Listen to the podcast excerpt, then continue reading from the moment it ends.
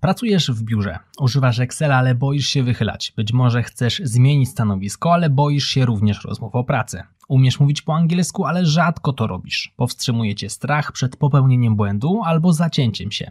Na spotkaniach firmowych raczej nie zabierasz głosu, aby się przypadkiem nie wygłupić. Starasz się robić to, co do ciebie należy, ale często boisz się, że zawalisz i nie dasz rady z jakimś nowym zadaniem, które powierzy ci szef. Jeśli utożsamiasz się z którymkolwiek z wcześniejszych zdań, ten odcinek Excellent Work Podcast jest dla Ciebie. Nazywam się Michał Kowalczyk i serdecznie Cię do niego zapraszam.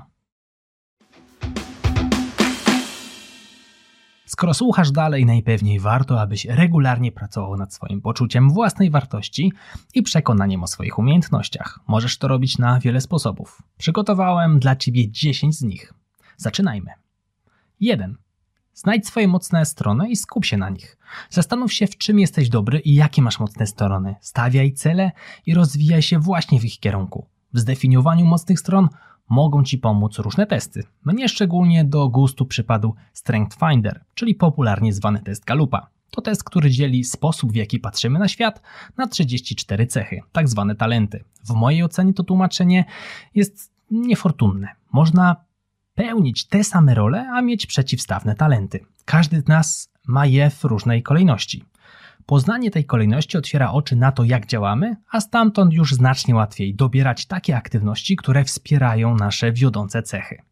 Punkt drugi, bądź dumny ze swoich osiągnięć.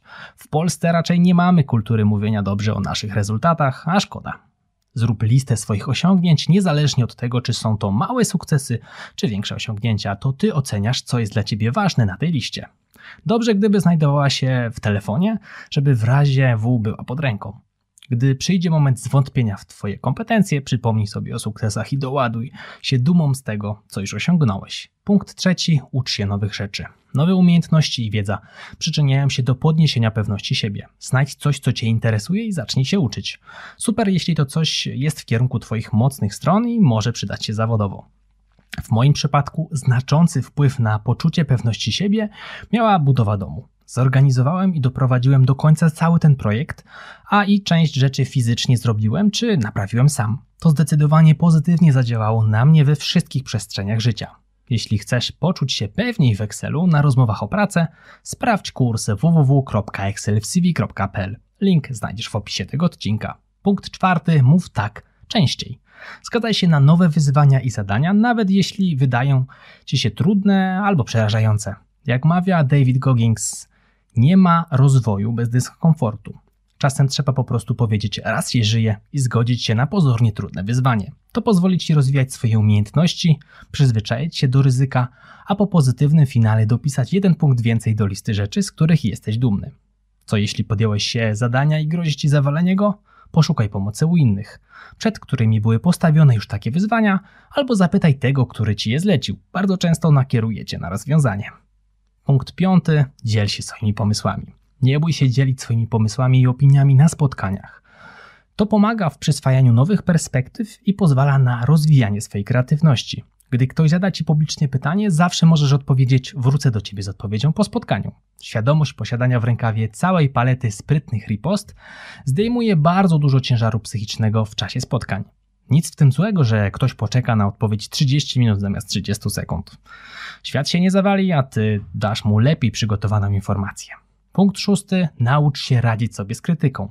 Każdy z nas prędzej czy później spotyka się z nią w pracy. Zrozum, że krytyka jest częścią procesu uczenia się i rozwoju. Odsiewaj wartościowy feedback od buractwa i prostactwa. Jasne, każda opinia boli, szczególnie na początku. Przyjaciel dał mi kiedyś dobrą radę. Jeśli ktoś wyraża opinię o Twoim działaniu, zapytaj go, ile razy robił coś takiego jak Ty i jakie miał wyniki. Powiedz mu też, że pytasz, bo przyjmujesz informację zwrotną od praktyków, którzy mają za sobą solidne rezultaty. Bardzo często usłyszysz, to tylko opinia, wydaje mi się, że to powinno tak być zrobione, a w życiu tego nie robiłem. Możesz wtedy grzecznie odpowiedzieć: Dziękuję. Punkt siódmy. Bądź świadomy swoich emocji. Zrozumienie swoich emocji pozwala ci panować nad nimi i nie pozwala im kontrolować ciebie. W przypadku negatywnej opinii to normalne, że możesz e, poczuć się zraniony, może być ci przykro, smutno, albo po prostu się zdenerwujesz. Daj sobie przestrzeń, zaakceptuj to i odpowiedz dopiero po czasie. Nie ma nic gorszego niż wkręcanie się w gry słowne w emocjach. Zawsze możesz powiedzieć: Porozmawiajmy o tym jutro, dziś mam cięższy dzień i muszę skupić swoją uwagę zupełnie gdzie indziej. Punkt ósmy: pozytywne afirmacje. Powtarzaj sobie pozytywne afirmacje, które pomogą ci zwiększyć poziom pewności siebie i pomogą ci uwierzyć w siebie. U mnie taką e, afirmacją jest: e, na pewno jest na świecie ktoś, kto zrobił to gorzej niż ja. W życiu idzie mi nie tak znowu źle, więc będzie dobrze. Poradzę sobie i tym razem. Jest też inny sposób. E, granie takiej aroganckiej wręcz pewności siebie przez jakiś czas. Chodzi o to, aby przez pewien czas być tak bardzo pewnym siebie na siłę, że aż aroganckim w odbiorze. To powoduje, że gdy już przestaniesz grać tę rolę, bycie zdrowo pewnym siebie przyjdzie ci znacznie łatwiej. Punkt dziewiąty: pracuj nad swoim językiem ciała. Twój język ciała może wiele powiedzieć o Twoim poziomie pewności siebie. Uważaj na to, jak się prezentujesz i jakie sygnały wysyłasz. Pamiętaj też, że ciało jest połączone z umysłem i tutaj mam dla Ciebie proste ćwiczenie. Obserwuj, jak zachowuje się Twoje ciało, na przykład gdy się zdenerwujesz. W moim przypadku to zaciskanie pięści, palców u stóp i kciuków u rąk. Intencjonalne e, rozluźnienie tych trzech miejsc i uśmiechnięcie się powoduje, że złość mija mi znacznie szybciej. Podobnie będzie to działać, gdy się wstydzisz lub czujesz się skrępowany. Obserwuj się w tych momentach, aby wyłapać sygnały, które daje ci ciało. Następnie intencjonalnie je przełamuj. Usłyszałem to kiedyś od mojej psychoterapeutki, gdy jeszcze uczęszczałem na terapię, no i korzystam z tej rady do dziś, świetnie się sprawdza.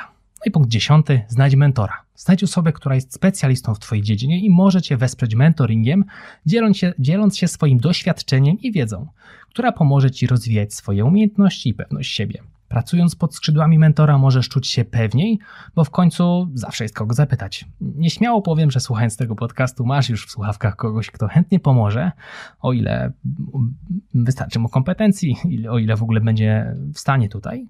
No i oczywiście mam na myśli siebie. W razie pytań pisz śmiało, jestem tutaj dla Ciebie. Zachęcam Cię też do znalezienia sobie kogoś takiego również w wersji lokalnej. Podsumowując, Budowanie pewności siebie w pracy może być trudnym zadaniem, ale jest to ważne dla Twojego sukcesu zawodowego. Można to osiągnąć poprzez skupianie się na swoich mocnych stronach, dumę z osiągnięć, pracę nad językiem ciała, uczenie się nowych rzeczy, podejmowanie ryzyka, świadomość swoich emocji, pozytywne afirmacje, radzenie sobie z krytyką, dzielenie się swoimi pomysłami i znalezienie mentora.